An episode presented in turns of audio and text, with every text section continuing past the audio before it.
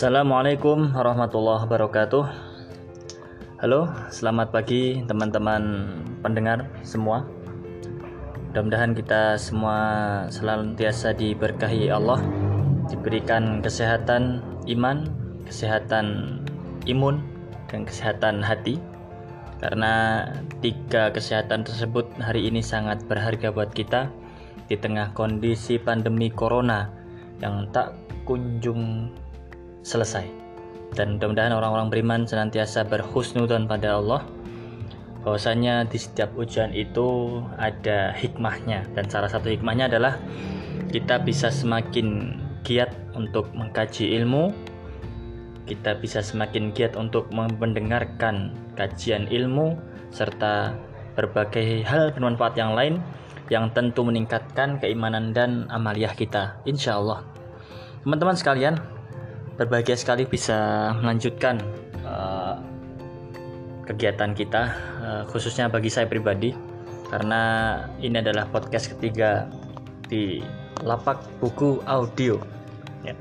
kalau di dua podcast sebelumnya kita telah membahas uh, sebuah kitab menarik maka hari ini pun kita lanjutkan kembali uh, bacaan kita uh, tentu melanjutkan dari podcast yang sebelumnya tentang mukodimah dari tulisan fenomenal Dr. Majid Irsan Al-Kilani. Uh, kenapa saya bilang fenomenal? Karena tulisan beliau ini yang diterjemahkan oleh Gurunda Ustadz Asep Sobari LC uh, nampak-nampaknya ya ini sangat berkesesuaian dengan kondisi kita mobil khusus kondisi kaum muslimin di belahan bumi mana pun, mobil khusus Indonesia. Karena ketika saya mencoba membaca melompat-lompat di halaman demi halaman ke belakang, eh, sepertinya ada kemiripan kondisi ya dengan hari ini kita berada sekarang, baik secara eh, pemikiran, kemudian secara sosial, secara pendidikan, bahkan secara ekonomi.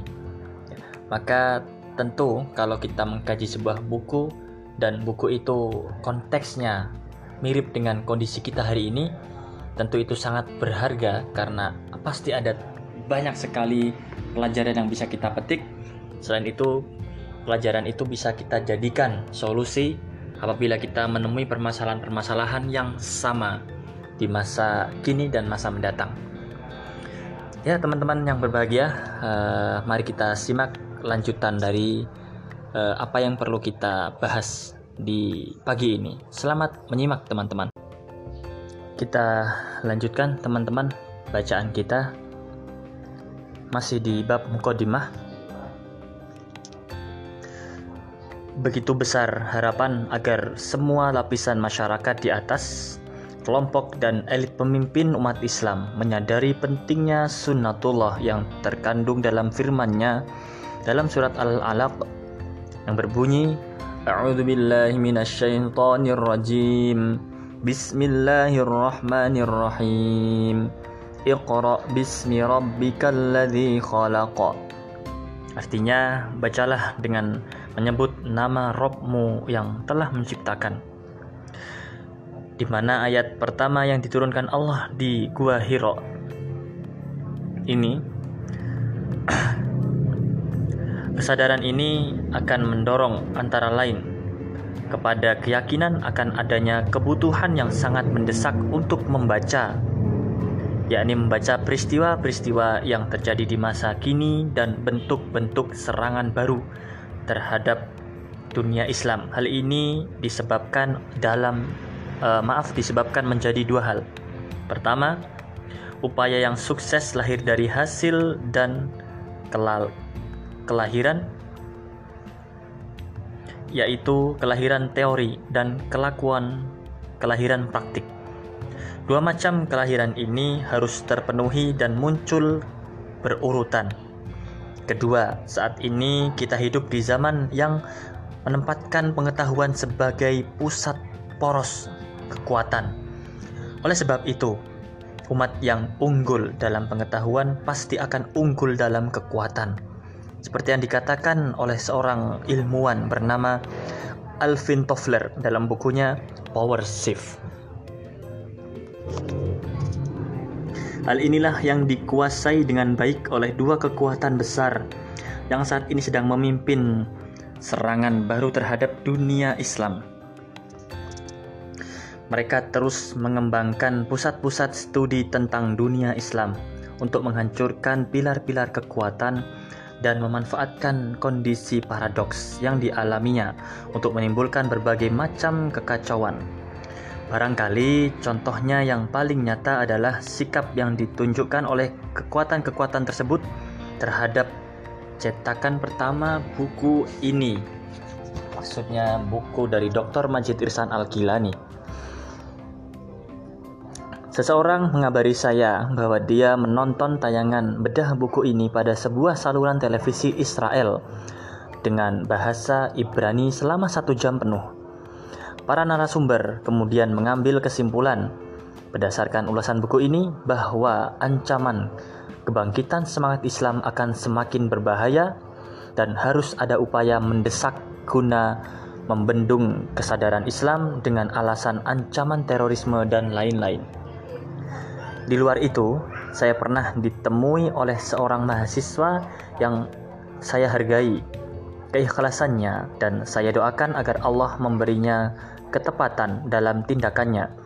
Mahasiswa tersebut menyodorkan lembar pertanyaan yang ditulis dalam dua bahasa, yaitu bahasa Arab dan Inggris, sebagai bahan yang akan dia gunakan untuk menyusun disertasi doktoralnya di Universitas Cardiff, Inggris. Pertanyaan tersebut dimulai dengan ungkapan sebagai berikut. Dr. Majid Irsan Al-Kilani menegaskan dalam buku banyak karyanya bahwa madrasah yang muncul dan berkembang pada abad kelima Masehi, maaf kelima Hijriah dan abad keenam Hijriah memainkan peranan yang sangat penting dan menentukan dalam menyatukan umat Islam di masa itu. Madrasah tersebut mendukung sikap umat Islam melawan pasukan Salibis yang datang dari barat lalu melawan Mongol dari Tar dan Tartar yang datang dari timur. Ungkapan ini kemudian disusul dengan banyak sekali pertanyaan yang akan diajukan oleh sang mahasiswa kepada Dr. Majid Irsan Kailani. Peran Dr. Anthony Becker, sang pembimbing disertasi tersebut, tampak jelas sekali dalam penyusunan kalimat-kalimat dari pertanyaan tersebut, yang di antaranya adalah seperti berikut. Pertanyaan pertama, Sebelum lebih jauh, menurut Anda, apa yang mendorong munculnya madrasah di masa itu? Pertanyaan kedua, apakah Anda setuju dengan pendapat Dr. Al-Gilani bahwa gerakan keilmuan yang lahir dari madrasah tersebut merupakan fokus ter faktor terpenting dalam menyatukan umat Islam? Pertanyaan ketiga, menurut Anda, apakah hal baru dalam madrasah tersebut apa yang membedakannya dengan institusi-institusi pendidikan Islam sebelumnya, seperti masjid dan kutab? Lalu, bagaimana hal itu bisa terjadi? Pertanyaan keempat: beberapa penulis meyakini bahwa filsafat modern yang mengarahkan pendidikan di kebanyakan negara Islam perannya lebih sebagai faktor perusak ketimbang faktor pembangun. Pasalnya, filsafat-filsafat tersebut tidak lebih dari filsafat warisan tradisional yang telah usang dan hubungannya dengan Islam sudah terlalu lemah atau filsafat impor biasanya impor dari barat yang sekuler yang tidak mengindahkan kebutuhan-kebutuhan umat yang sebenarnya. Pertanyaannya, pertama, apakah Anda setuju dengan pandangan tersebut? Kedua, kenapa Anda berpikir seperti itu? Pertanyaan kelima, apakah mungkin Anda membuat daftar beberapa pemikiran atau tokoh atau lembaga-lembaga yang memandang perlu meletakkan aspek pemikiran dan praktek pendidikan yang muncul bersama gerakan madrasah di abad kelima sebagai prioritas utama kajian di masa mendatang. Pertanyaan keenam, apakah materi sejarah gerakan madrasah-madrasah Islam saat ini diajarkan dengan baik di perguruan tinggi-perguruan tinggi di negeri Anda? Pertanyaan ketujuh, Apakah Anda pernah mempublikasikan semacam kajian tentang perlunya membangkitkan pemikiran pendidikan dari sudut pandang sejarah? Jika ya, Apa saja kajian yang Anda buat dan mengapa Anda memilih tema tersebut? Apakah Anda punya obsesi? Maaf, pertanyaan ke-8. Apakah Anda punya obsesi untuk melakukan kajian khususnya tentang tema-tema tersebut? Sobat pendengar, uh, itu ada 8 poin pertanyaan sang mahasiswa kepada Dr. Majid Irsan Akilani.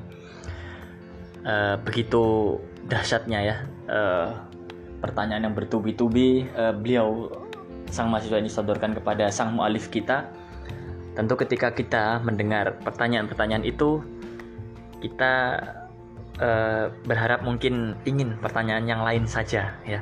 Karena betapa sulitnya menjawab pertanyaan tersebut bahkan hanya satu pertanyaan saja. Menarik sekali teman-teman. Uh, mari kita simak beberapa kalimat-kalimat mukodimah beliau setelah ini. Itulah pertanyaan penutup dalam lembaran pertanyaan tersebut. Kita lanjutkan teman-teman setiap orang yang tahu bagaimana sebuah kebijakan dibuat di Amerika, Eropa, dan Israel tentu mengerti dengan baik bahwa universitas-universitas di sana tidak meneliti suatu bidang ilmu untuk semata-mata menghasilkan ilmu. Mereka tidak mengkaji pengetahuan untuk meningkatkan taraf kemanusiaan manusia dan jaringan hubungannya dengan asal-usul kehidupan, kehidupan masa kini, dan kehidupan akhirat. Mereka mengkaji pengetahuan dan ilmu dengan memandangnya sebagai salah satu unsur kekuatan yang dibutuhkan dalam pertarungan global guna merebutkan sumber-sumber kekayaan alam. Seperti yang digariskan oleh filsafat Darwinisme sosial atau social Darwinism dan digambarkan belakangan ini oleh Alvin Trover dalam bukunya Power Shift.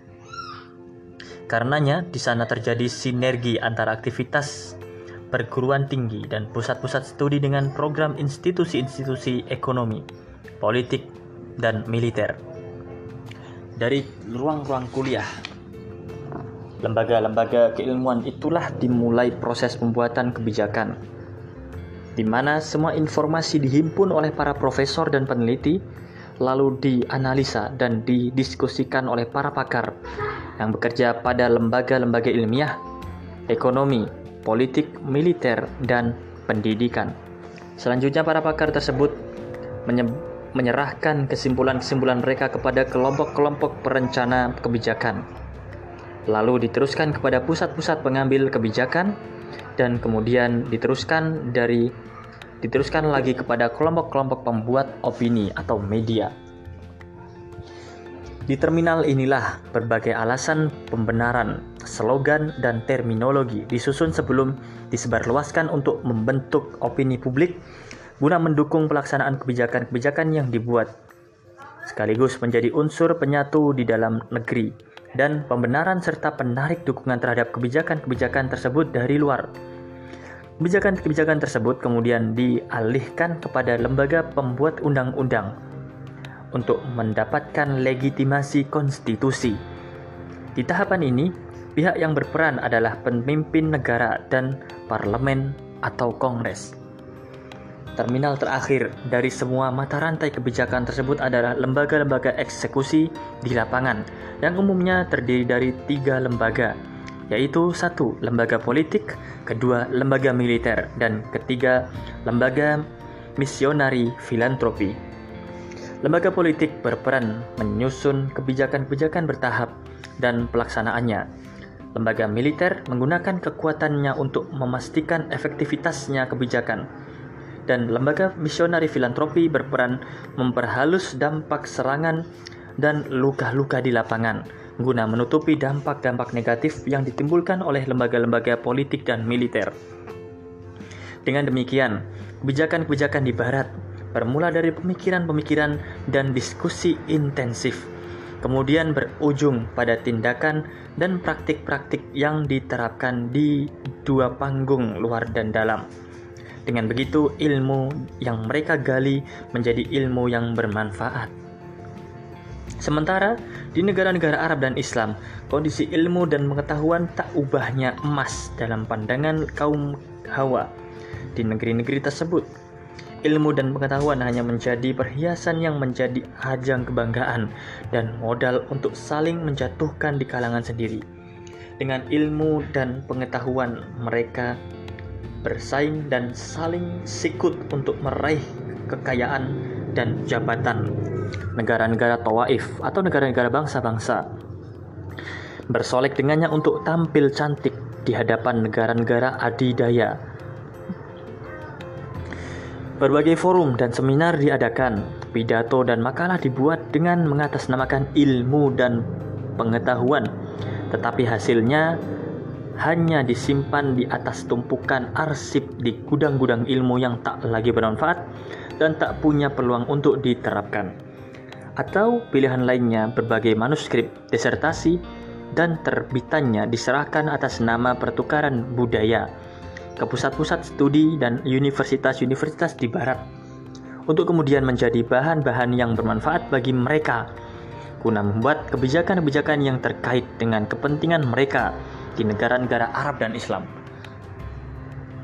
Sesungguhnya, titik pusat krisis yang menimpa kehidupan generasi-generasi muslim masa kini di negara-negara Arab dan Islam adalah tidak adanya kematangan dan ketahanan mental dan intelektual di saat masih menjalani fase kebergantungan kepada pihak lain.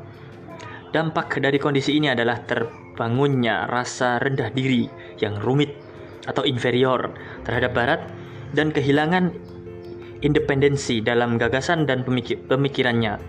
Selanjutnya, umat terus dalam posisi mengekor sebuah pemikiran dan itu merupakan sebuah penyakit menahun yang hingga kini sangat sulit disembuhkan. Sikap mengekor ini melahirkan perilaku muslim masa kini yang kontradiktif dalam setiap perkataan dan perbuatannya. Di satu sisi, tidak suka dengan keberadaan barat sebagai parasit yang menjajahnya, sehingga berjuang dengan segala cara untuk mengusirnya. Tetapi di sisi lain, setelah penjajah angkat kaki, ia malah menyusul untuk mengimpor dari mereka makanan yang diperlukan tubuhnya, wawasan pemikirannya, dan motivasi hidupnya.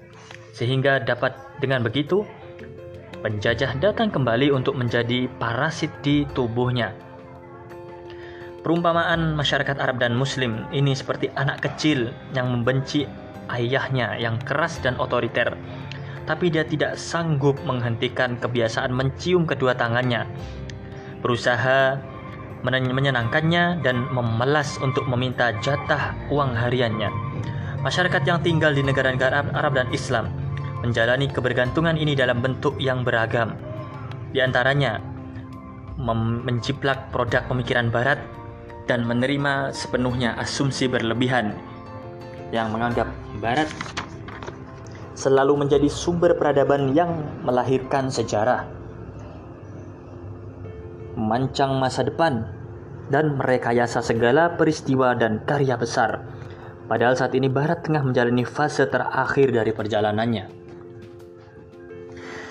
Pemikiran yang pincang ini kemudian melahirkan berbagai dampak buruk seperti tunduk kepada kepemimpinan Barat dan menjadikan sebagai model dalam segala aktivitas mulai dari kepemimpinan politik dan militer, berlanjut hingga kebudayaan, seni, pendidikan, olahraga, bahkan perancangan busana dan salon cukur rambut. Bentuk kebergantungan terhadap barat lainnya terlihat dalam klasifikasi pejabat dan pegawai pada institusi-institusi pemerintahan di negara-negara Arab dan Islam. Klasifikasi ini ditentukan berdasarkan tempat belajar mereka, sehingga alumni-alumni perguruan tinggi barat ditempatkan secara administratif dan strategis pada posisi utama meski mereka tidak memiliki ilmu kecuali selembar ijazah kelulusan. Bentuk lainnya adalah menepikan realitas dan potensi-potensi lokal. Mereka mengapresiasi berlebihan solusi-solusi yang dibangun berdasarkan teori dan implementasi, yang berkembang di lingkungan negara-negara barat, lalu mengimpornya berikut para ahli barat untuk menerapkannya di negeri sendiri, meskipun harus dengan cara merusak tubuh Arab untuk diserasikan dengan pakaian barat. Bentuk lainnya adalah ketidakmampuan menginvestasikan dan mengembangkan sumber-sumber daya dalam negeri dengan baik, sehingga tetap dapat menjaga keikhlasan, maaf, menjaga kekhasan dan jati dirinya, serta dapat memenuhi seluruh kebutuhan di masa kini. Sebaliknya, yang ada adalah merasa bangga bila berhasil menjadikan penerima negerinya sebagai pasar konsumsi produk-produk barat seperti produk pemikiran, politik, militer, pendidikan, ekonomi, kesehatan, dan sosial. Mereka beranggapan bahwa semua itu menjadi standar hidup yang ideal. Padahal dengan begitu negara-negara Arab dan Islam justru telah melakukan hal yang diperingatkan Nabi Shallallahu Alaihi Wasallam dalam sabdanya. Kata Nabi, kalian akan mengikuti jejak orang-orang terdahulu sebelum kalian, sejengkal demi sejengkal, sehasta demi sehasta, sehingga jika mereka masuk ke dalam lubang biawak sekalipun, maka kalian akan tetap mengikutinya. Naudzubillah min dalik. Akibat semua itu, nalar Arab dan Muslim tidak mampu melahirkan pemikiran, tindakan-tindakan masyarakatnya lebih bersifat reaktif, tergesa-gesa, temporal, dan spontan saat merespon tindakan-tindakan Barat yang penuh makar dan strategis. Reaksi emosional membuncah selama beberapa hari atau hanya beberapa jam, tetapi setelah itu padam sama sekali. Kembali menjadi penonton dan jauh dari kata peduli dengan fenomena seperti itu, maka semua bentuk jihad dan perjuangan dari waktu ke waktu hanya menghabiskan sumber daya dan tenaga secara percuma.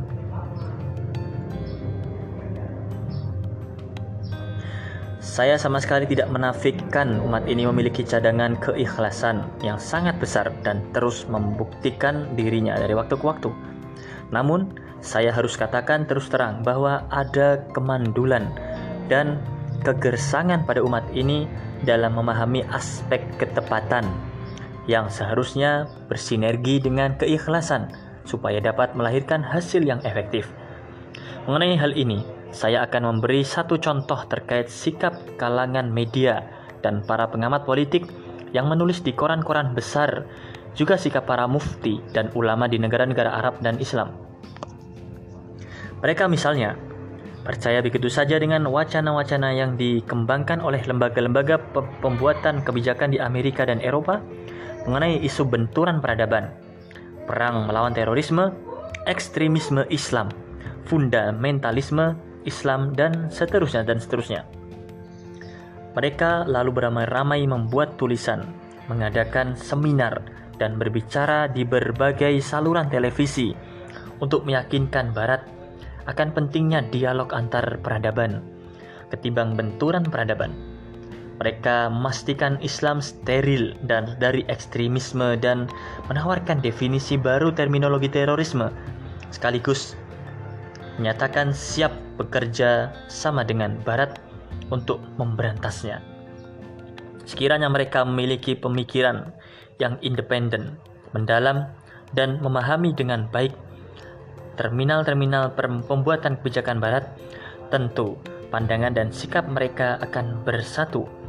Mereka tidak seharusnya menghabiskan tenaga dan waktu untuk meyakinkan Barat bahwa mereka steril dari semua tuduhan itu, karena sebenarnya Barat tidak meminta bangsa Arab dan kaum Muslimin untuk menunjukkan surat keterangan kelakuan baik.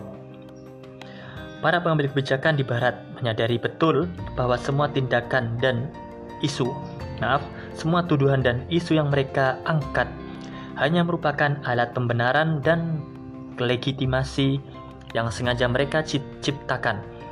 Mereka mengeksploitasi kedangkalan dan lemahnya kesadaran kaum muslimin.